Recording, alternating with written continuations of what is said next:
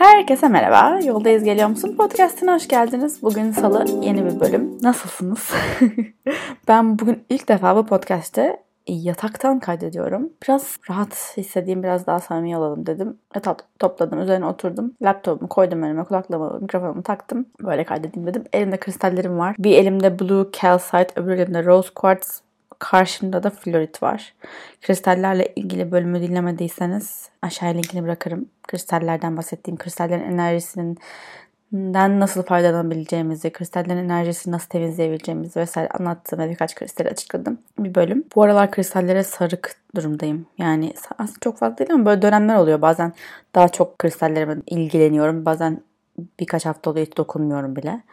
Ee, bu son günlerde birazcık daha şeyim. E, Blue Calcite'da mavi kalsit galiba çevirirseniz. Hem mavi renkli olan her şey boğaz çakrası yani konuşma, kendini ifade etme gibi. O yüzden bunu aldım. O çekti beni. Bir de aynı zamanda Blue Calcite e, eklemler, e, diz, dirsek onlara da iyi geliyor. Ağrınız varsa veya bir şey yani böyle bazen dizler çok hassas oluyor özellikle yoga yapıyorsanız. Öyle yani mesela dizinizin üzerine koyabilirsiniz dizinizde bir ağrı varsa falan. Neyse onun dışında neler oluyor? Geçen haftadan gene bu haftaya gelen bir konudan biraz bahsetmek istiyorum. Ee, hatırlıyor musunuz Londra'ya giderken Airbnb ile yaşadığım problemleri? Normalde Airbnb'nin müşteri hizmetlerinden bugüne kadar defalarca Airbnb ile bir yerlerde kaldım yurt dışında. Hep çok memnun kalmıştım. Hiç problem yaşamamıştım. Bu sefer gerçekten canımdan bezdirdiler. Ve büyük ihtimalle Merkür Retrosu'da ben bu işi yaptım. Çünkü Merkür Retrosu olduğu dönemlerde seyahat, iletişim falan zordur. Sonuç ne oldu? Bu arada Merkür Retrosu yarın sona eriyor. Siz bunu eğer gününde dinliyorsanız 30 Temmuz 31'inde bitiyor çok şükür. Şöyle sonuçlandı bu olay ben sonuçta kendi puanlarımı kullanmak istiyordum Airbnb'den bir yer şey yaparken, hmm, rezervasyon yaparken. Puanlarımı ödeme yapmak istiyordum. Onu yapamam, yapmama izin vermediler. Dediler ki sen de gene paranla öde. Biz sana paranı geri iade edip sonra puanlarından düşeceğiz dediler. Ondan sonra sanırım bunu böyle hani call center'daki çok da hani böyle yetkili olmayan birisi söylüyordu. Daha sonra olayın üzerinden 3 hafta geçtikten sonra neredeyse daha yetkili birisi beni bağladılar. Sonra ben gittim geldim bu arada hakikaten Londra'ya. Dediler ki çok özür dileriz bu Airbnb'nin yakışan bir şey değil. Biz sizin paranızı iade ettik. Puanlarınızdan da düşmedik. yani ben şu an Londra'ya kalacak yer için hiçbir para, hiçbir şey ödemeden 4 günlük kalacak yer sunuldu bana. Böyle şeylerden bahsediyorum işte genelde yani bir Airbnb'nin müşteri hizmetleri gerçekten çok iyi falan filan ama diyorum ya bazen hani hiç çözüm yok. Asla olmayacak. İşte o para çıkmayacak. O seyahat olmayacak. Hani size, benim zihnimin kapasitesinde e, yok gibi görüyorsanız hakikaten bu sadece sizin zihninizin kapasitesi. Evrenin ya da inandığınız her neyse gücü ve yapabilecekleri ihtimaller sonsuz yani. Bir şekilde size bir imkanlar açacak, kapılar açacak, sunacak ve siz gitmeniz gereken yere gideceksiniz. Gitmeniz gereken yer demişken de e, ben yine son zamanlarda neler hissettiğimi biraz paylaşayım. Çünkü genelde hep böyle senkronize oluyoruz. Son zamanlarda ben biraz hayatımın aslında akışta olup da fazla akışa kapılmış gibi hissediyorum. Yani günün günlük rutinlere ve işlere güçlere kendimi vererek aslında ben ne yapmaya yapmaya çalışıyorum, ne yapmam gerekiyor, gerekiyor değil de ne yapmaya geldim gibi diyelim biraz kaybetmiştim. Ee, ve geçen de anlattığım gibi bazı böyle problemler yaşıyordum. Yine iletişimle ilgili, işle ilgili ee, zorlanıyordum. Ee, ve tabii ki her zaman dediğim gibi bütün bu zorlanmalar aslında problemler hayatınızda çıkan su üstüne. Aslında sizi işte bir tarafa bir şey çekmek için e, bir çözüm üretmenize yol açmak için çıkıyor. Geçen gün Can'la şunu konuşurduk. Hiçbir başarı veya sonuç öyle boştan çıkmıyor yani. Bir şey oluyor ve onu çözmek için yapıyorsun. E, onu iyileştirmek için bir şey düşünmeye başlıyorsun ve sonunda bir başarı veya güzel bir şey elde ediyorsun. Şu anda ben de yine sıkışmış bir yerde olduğum için işte bu sıkışma yerlerinin en güzel tarafı da bu. Çünkü sonsuza kadar sıkışmış kalmayacaksın. Elbet bir gün buradan çıkacaksın ve çıktığında o zaman anlayacaksın bu sıkışmanın seni nereye doğru yönlendirdiğini. Ben de şu anda tekrar Bari'ye gideceğim gibi görünüyor. Tam olarak daha %100 netleştirmemiş olsam da e, gitmem gerekiyorsa giderim diye düşünüyorum. O yüzden çok da paylaşmaktan çekinmiyorum artık böyle şeyleri. Bu nazar mazar işleri var ya çok paylaşma, çok gözükmesin, nazar değer falan. Nazar değmesi gerekiyorsa değer zaten yani. Ben başkasının kem gözünün benim hayatıma etkilemesine izin vermek değil de yani ben kendim bilmiyorum ya çok da açıkçası inanmıyorum. Evet e, etkilenebilirsin ama yine bu sen kendi içindeki korumacı, kendini koruyacak enerjiyi güçlendirebilmen için böyle şeyler oluyordur. Bak kendini e, kendi enerjine sahip çıkmadın, kendi enerji alanına sahip çıkmadın. O yüzden başkalarının enerjileri sana bulaştı. Kendi enerjine sahip çıkabilirsen ve koruyabilirsen o zaman başkalarının ne düşündüğünü, ne yaptığı hiç fark etmez aslında senin hayatında. hayatında. Çünkü şöyle hissediyorum ben birazcık daha hakikaten ben insanlara bir araya getirmeyi, insanlara bir şekilde e, şifa olmayı artık bu belki sadece e, podcast ile bile ya da belki aslında flow açma sebebim de bir şekilde insanların hayatına bir şey katmaktı. Bunun için alan açmaktı. Gerçekten de o alanı açtık ama şu anda farklı şeyler yapmak, başkalarına benzemeye çalışmak değil de ha onlar öyle yapmış, şunlar şöyle yapmış, onu kopyalayalım, buna benzeyelim, şu şöyleyse o hayatta işe yarıyordur falan filan değil de hakikaten bizim için belki bambaşka bir çözüm vardır. Bambaşka bir yol vardır. Onu araştırmak istiyorum. Yine Bali'ye çağrılıyor gibi hissediyorum. Onun dışında başka neler oluyor? Geçen bölüm e, evlilik teklifi aldığımdan bahsetmiştim. O işler devam. 250 bin tane etkinlik e, var evlenmeye karar verdikten sonra. Biz e, birkaç etkinliği birleştirerek ilerleyeceğiz galiba. Çok da fazla böyle her şeyi yapmak, yapma taraftarı değilim. Yani bilmiyorum. Benim, bizim bize uymuyor diyeyim. Yapanlara karşı bir yargım yok. Ama biz için şöyle söyleyeyim Eylül ayında bir şey olacak. Eylül ayında bir şey var.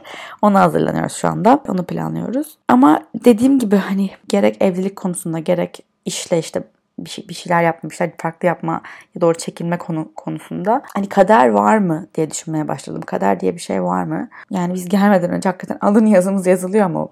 Can benim alın yazım mı? Hmm, falan diye düşündüğümde aslında evet yani bir, bir şey var, bir yazılan bir şey var. Fakat bu tamamen sapaklardan oluşuyor. Yani sen sürekli bir hayatın boyunca seçim yaparken bazı sapak, yol sapaklarına giriyorsun işte. Sağdan mı gitsem, soldan mı gitsem, düz mü gitsem. Ve bu sapakları seçme hakikaten iradesi sana veriliyor. Bir labirent gibi düşünün bunu. Labirentte evet elbet bir çıkış yolu var. Çıkacaksınız oradan ama Yolu daha uzatabilirsiniz, daha zorlu yerlerden geçebilirsiniz. Çıkmaz yol gibi gözükebilir ama sonuna kadar yürüdüğünüzde görebilirsiniz ki oraya yol sağa doğru dönüyor falan. Bu hayat labirentinde yönünüzü siz belirliyorsunuz. Fakat gideceğiniz yer aynı. Sadece alacağınız dersler farklı oluyor. Yani ya da alacağınız dersleri alma şekliniz farklı oluyor. Mesela bana dedi ki e, okulunu bitirdin, Amerika'da kalıp çalışmaya devam edebilirsin veya Türkiye'ye dönme opsiyonum da vardı. Ben birini seçtim. Eminim Amerika'da kalsam da belki bu yola doğru girecektim ama belki daha zorlanacaktım. Belki farklı bir şey olacaktı. Yine belki insanlara iyi gelecek bir şeyler yapmaya çalışacaktım ama farklı yerlerden. Yani aslında altında yatan bazı pek de değişmiyor hayatınızın amacı ve gitmeye çalıştığınız yön. Ama ne kadar zor olacağını siz karar veriyorsunuz. Bir şeye hayat benim için çok zor ve e, hedeflerime ulaşmam için çok zorlanmam lazım diye bir kendinize şartla, şartlanma koyduysanız e, e tabii öyle olacak zaten. Ben de bu ara bununla savaşıyorum. Yani çok çalışmam lazım, çok yorulmam lazım, uyumamam lazım. Ben hırslandığım zaman ve bir şeylerin beyni tatmin etmediğini gördüğüm zaman öyle e, öyle bir moda giriyorum. Yani yemeden içmeden çalışmam lazım gibi hissediyorum. Bu benim içimdeki bilgenin, içimdeki yüksek benliğim bana söylediği bir şey değil. Bu dış dünyadan öğrendiğim bir şey. Sonradan yüklenen bir bilgi bana. O yüzden onunla sürekli böyle bir git gel yaşıyoruz. Aslında yapmanız gereken yol öyle kendinizi hırpalayarak da olmayabilir. Bunu söylerken bile daha şey alıyorum böyle. Ama ama çok çalışma lazım. Ya içimden böyle bağırıyor bir ses. Kendini eleştiren, öz eleştiri yapan o içindeki kritik. Daha çok çalışman lazım, daha çok çalışman lazım yapıyor. Ve kendime böyle yapan bu iç kritik başkalarına da aynı şey yapıyor. Hiç çalışmıyorlar. Bak tembeller. Oh tatile çıkmışlar bilmem ne. Bak sen ne kadar çalışıyorsun. Aynı zamanda egoya dönüşüyor bu. Sen çok çalıştığın için çalışmayanlardan daha iyisin falana dönüşüyor. Aslında kendimize işte ne kadar eleştirel davrandığımız dışarıya da ne kadar eleştirel davrandığımızı gösteriyor. Yani mesela bir şey e, paylaşıyorsunuz. Paylaşıyorum mesela ben kendimden direkt örnek vereyim. Bir şey paylaşıyorum. Özellikle DM'lerde çok net görebiliyorum resmen yaptığım iş bir insan analizine falan dönüştü. Yani insanların Türk toplumunun neye nasıl davrandığını, nasıl tepki verdiğini aşağı yukarı görebiliyor oldum birkaç sene içerisinde. Çünkü aynı insan ben genelde DM'leri okumaya çalışıyorum. Çoğuna cevap veremiyorum. Yetişemiyorum ama aşağı yukarı hepsini okumaya çalışıyorum. Genelde hep bir şey yazan biri, eleştirel bir şey bulan biri hep aynı şey yapıyor. Her story'me eleştirilecek bir şey olarak yazıyor. Mesela belki iki ayda bir, üç ayda bir yazıyor bir şey ama her seferinde menfi bir şey söylüyor. Mesela e, Flow'un tabelasına e, Flow'un kapısındaki tabela yaptırdık işte böyle bir A şeklinde. Yere konulan e, Üzerinde işte Flow Studio falan filan yazıyor. İç, e, ve iki tarafı var yani. Üçgen gibi düşünün. Piramit gibi biraz. Bir tarafı boş şu anda. Öbür tarafında şey yazıyor işte. E, Flow Studio İstanbul. E, if you're looking for a sign, come in. Ve Flow'un iletişim bilgileri yazıyor aşağısında. işte QR kod falan var ekranı telefonun kamerasıyla çekip direkt web sitemize yönlendirilebilmesi için. Öbür tarafını boş bıraktık çünkü tam olarak Türkçe tarafına ne yazacağımızı bilmiyoruz. Üstelik bizim yapmaya çalıştığımız bir şeyde ben şansıma çok alakasız bir şekilde çok da bir şey yapmadım aslında bunun için. Sadece İngilizce de paylaşmaya çalıştım. Web sitemizde hem İngilizce hem Türkçe yaptım falan filan. Ee, yabancılar da gel- geliyor üyelerimiz yabancı arkadaşlarını getiriyor vesaire. O yüzden derslerde her hocamın hem İngilizce hem Türkçe ders verebilmesi benim için bir şarttı. Geç, geçiş yapabilmesi diller, diller, diller arasında ders boyunca. Kendim de yurt dışında bu arada mesela Amerika'da direkt İngilizce konuşulan ülkelerde değil ama İsveç'te, Viyana'da vesaire, Stockholm, Viyana vesaire böyle yerlerde aslında İngilizce konuşmuyorlar. Ana dilleri İngilizce değil ama yoga dersine mesela gittiğinizde eğer siz İngilizce konuşan biriyseniz oranın ana dilini bilmiyorsanız hoca soruyor işte herkes İngilizce vermeme okey olur mu diye. Okeyse İngilizce veriyor dersi mesela. Ben bir tık onu buraya getirmeye çalıştım ki artık yani ben Flow'un tabii ki açılışında şey yapmıştım. Ee, bizim müşteri kitlemiz kim, hedef kitlemiz kim vesaire ve benim hedeflediğim kitle %90 İngilizce bilen bir kitle. Dolayısıyla İngilizce yazdığım zaman benim Türk kitlem de anlayacak. Yabancı kitle de İngilizceyi anlayacak. Çok fazla böyle detaylı bir şey anladıkça İngilizce tabii ki şey yazmıyoruz yani makale yazmıyoruz İngilizce. GIF'leri falan mesela İngilizce paylaşıyorum. Neyse e, şeyin üzerinde de tabelanın üzerinde de İngilizce yazıyor. Come in işte yazıyor yani. E, come in içeri gel demek. E, ve çok da hani komplike bir İngilizce değil.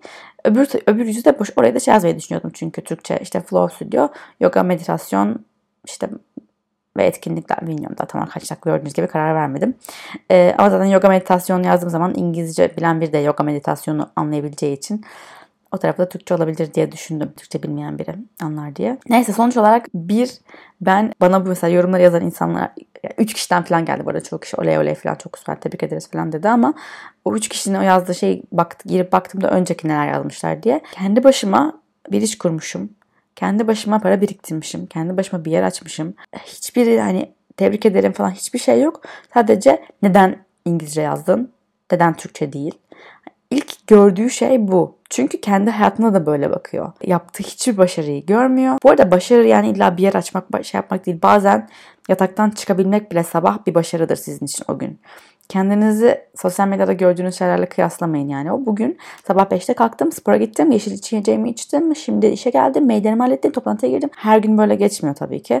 Bazen hakikaten sabah yataktan kalkıp ayakkabılarını giyinmek bile bir şey, dişlerini fırçalamak bile bir şey. Dolayısıyla e, kendinize ne kadar eleştirel davrandığınızı fark edin başkalarına eleştirirken. Ya ben buna böyle davranıyorum. Acaba kendime de böyle davranıyor olabilir miyim? Öbür açıdan bakarsak da ben bu yapılan eleştirileri bakıyorum mesela mesajı açıyorum, görüyorum. Belli ki kafaya takmışım ki yukarı çıkıp bakıyorum başka ne yazmış diye. E, niye kafaya takıyorum? Çünkü ben de kendime sürekli daha iyi olmalısın diye bakıyorum. Herkes seni sevmeli, herkes seni beğenmeli, herkes seni takdir etmeli. Ee, böyle bir şey yok. böyle bir şey imkansız. İçimdeki bu egodan gelen ses yüzünden bu kadar rahatsız oluyorum. Halbuki ben aslında elimden gelen en iyisini yaptığını gayet iyi biliyorum. Serbest bırakamama, o her şeyi kontrol etme, o avuçtan açamama şeyi bazen susmuyor. Ve yine bu aşırı tatminsiz ego çok yersiz zamanlarda e, böyle zedeleni de biliyor yani. Çok da aslında salak bir çocuk gibi bir yandan da. Mesela geçen gün bir tane telefon geldi. Bir iş bir şeyle ilgili alakasız yani. Saçma sapan bir şey. Bir belge istiyorlar falan. Anla modum düştü. Öyle bir modum düştü ki yani çıkamıyorum içinden. Hiçbir şey yapmak istemiyorum. Konuşmak istemiyorum. Konu hakkında konuşmak istemiyorum yani. Halbuki konuşacak bir şey de yok ama böyle şeyim. Konuşacak bir şey yok zaten falan. Yani konuşacak bir şey yok ama hani ne olduğunu söylesen belki daha da rahatlayacaksın. Öyle zamanlarda gerçekten iki şey yapmamız gerekiyor. Ben yapmamız iyi olur bence. Birincisi hakikaten şu an hissettiğin duyguya adını koymak. Şu an ben ne hissediyorum? Şu an panik hissediyorum. Şu an başarısız hissediyorum. Şu an korkuyorum. Şu an üzgünüm. Her neyse. Şu an benimki mesela o an şeydi. Yetersizlik hissiydi. Çünkü ben bir şeyi eksik yaptığım veya unuttuğum için böyle böyle bir şey şu an kapımı çalıyor falan gibiydim. Böyle zamanlarda bence eğer konuşacak biri varsa veya bazen sadece yazmakla iyi geliyor. Konuşmak. Yani çünkü olay olduğu anda konuşmazsan veya paylaşmazsan veya fark etmek için bir harekete geçmezsen yazmak gibi, meditasyon gibi, his, durup hissetmek gibi o birikiyor. Kesinlikle birikiyor ve Daha sonra iyice böyle içini, içini gıcıklayan bir şeyden başlayıp hayatını ele geçiren bir şeye dönüşüyor. İlişkilerde de böyle. Biriyle ilgili sen bir şeye gıcık oluyorsun mesela partnerine ya da arkadaşında. Ufacık bir şeye geç kaldın mesela gıcık oldun. Bu senin geç kalman beni rahatsız etti. Çünkü ben değersiz hissettim diyebilirsin mesela. Bunu demezsen çünkü ileride şey dönüşüyor bu olay. Sen karşındakine söylüyorsun. Çok bencilsin, umursamazsın, öylesin, böylesin diye onu suçlamaya başlıyorsun. Halbuki o anda ben şu an ne hissediyorumu fark edip onu paylaşırsan hem ilişkiyi zedelememiş olursun hem de kendini zedelememiş olur. Zedelememiş. Ne kadar zor bir kelime. Zedeleme, zedelememiş olursun. Tabi bazen hepimizin hayatta artık uzun zamandır yaşadığı ilişkiler var. Buradan çoktan geçmiş oluyor. Çoktan o hemen paylaşma şeyini geçtik diyoruz artık yani nasıl başlayacağım tekrar geri alamam ilişki diyor olabilirsiniz. İlk bence şeyi fark etmek lazım. Biri sana bir şey anlatırken atıyorum mesela o sana böyle içini paylaşmaya başladı. Sen onu dinlerken defansta mı dinliyorsun? Yani onun söylediği şey hayır ama ben diye cevap vermek için dinliyorsun? Yoksa okey senin bu dediğini görüyorum, anlıyorum diyebilir misin? Gerçekten anlayabilir misin onu? Nereden geldiğini en azından. Daha sonra da sadece kendini anlatmak için belki o seni anlamayabilir ama sadece ben de böyle hissediyorum. Yani sen bana böyle hissettirdin değil de ben de böyle hissediyorum diyebilmek hakikaten ilişkide çok daha yapıcı ve sürdürülebilir bir yaklaşım oluyor. Yani defansta mısın ilişkinde? ispatta mısın? Yoksa sevgiden mi konuşuyorsun? Siz acaba şu an hayatınızın nasıl bir dönemindesiniz? Bana yazabilirsiniz her yerden biliyorsunuz. Instagram, YouTube. Twitter, Twitter'ı çok seviyorum. Şu an siz hayatınızın akışında mısınız? Siz hayatınızda bir şeylerin değiştiğini hissediyor musunuz? Ben şu an hakikaten zorlanıyorum. Bir kez daha kabuğu kırmak zorunda olduğumu hissediyorum. Siz de kabuğu kırmak, kırmaya hazır mısınız? Kabuğu kırabilmek için kabuğun hazır içindeyken nasıl kendinizi geliştirip güçlendirebilirsiniz? Hem demir atıp yani topraklanıp, sabitlenip, güvende hissedip aynı zamanda akışa bırakabilir misiniz kendinizi? Yani hakikaten bir tekne olsaydınız şu anda Hadi demir bırak demir aşağı kadar insin, saplansın. Ama hani tekne onun üzerinde o demirle böyle bir sağa sola bir çember halinde dönme alanı vardır ya. Kendine o alanı yaratıyor musun? Yoksa demiri attım ve tam burada durmam lazım. Rüzgar esiyor ama durmam lazım diye mi bakıyorsun? Yoksa hakikaten kendine o konfor alanını, büyüme alanını, genişleme alanını sunuyor musun? İzin veriyor musun? onunla beraber sağa sola gidebilmeye. Çünkü şey oluyor birazcık sağa sola sallandığımızda böyle rüzgarla veya hayatımıza alan olaylarla işte o demiri attığımızı unutuyoruz. Bazen hakikaten atmamış oluyoruz ve hakikaten sürükleniyoruz. O yüzden ikisi de olmalı. Hem seni köklü tutacak şeyleri katmalısın hayatına ve kendine. Bu artık kendine koyduğun belki bir e, niyet olabilir, belki bir pratik olabilir. Bu benim köküm diyebilirsin, bu benim evim diyebilirsin. Evim derken hakikaten bir çatıdan bahsetmiyorum yani. Kendini evde hissettiğin bir yer hayatında. Ve onun dışında yine böyle sağa sola kaydığında belki yan tekneye doğru yaklaşacaksın ve yan teknede birileri tanışacaksın. Belki sol tarafa doğru gideceksin ve bir deniz altına bir bakacaksın. Orada çok güzel balıklar var. O alanı kendine bırakıp daha vizyonunu ve bakış açını genişletmeye izin verebilir misin? Bazen de hakikaten o demiri çıkarıp hadi bakalım aç yelkenleri gidiyoruz demek gerekiyor. Belki de hayatının böyle bir dönemindesin şu anda. Demir falan atmayacağım ben özgür bırakacağım. Nereye gidiyorsak gidelim olabilir. Ben şu an ben o noktaya geleceğim. Yelkenleri açmaya geleceğim ama şu anda hala demir demiri sağlamlaştırmaya çalışıyorum birazcık da süzülürken. Dinlediğiniz için çok teşekkür ederim. Eğer podcast'e abone değilseniz ve ilk defa geldiyseniz her salı günü yeni bir podcast bölümü geliyor aşağı yukarı neredeyse. Spotify Podcasts, iTunes veya ecetargit.com'dan dinleyebilirsiniz veya başka Android'lerin uygulamalarında da varmış. Beni her sosyal medya mecrasında Ece Target olarak bulabilirsiniz. Hepinizi çok seviyorum. Çok öpüyorum. Bir sonrakine kadar yoldayız. Geliyoruz.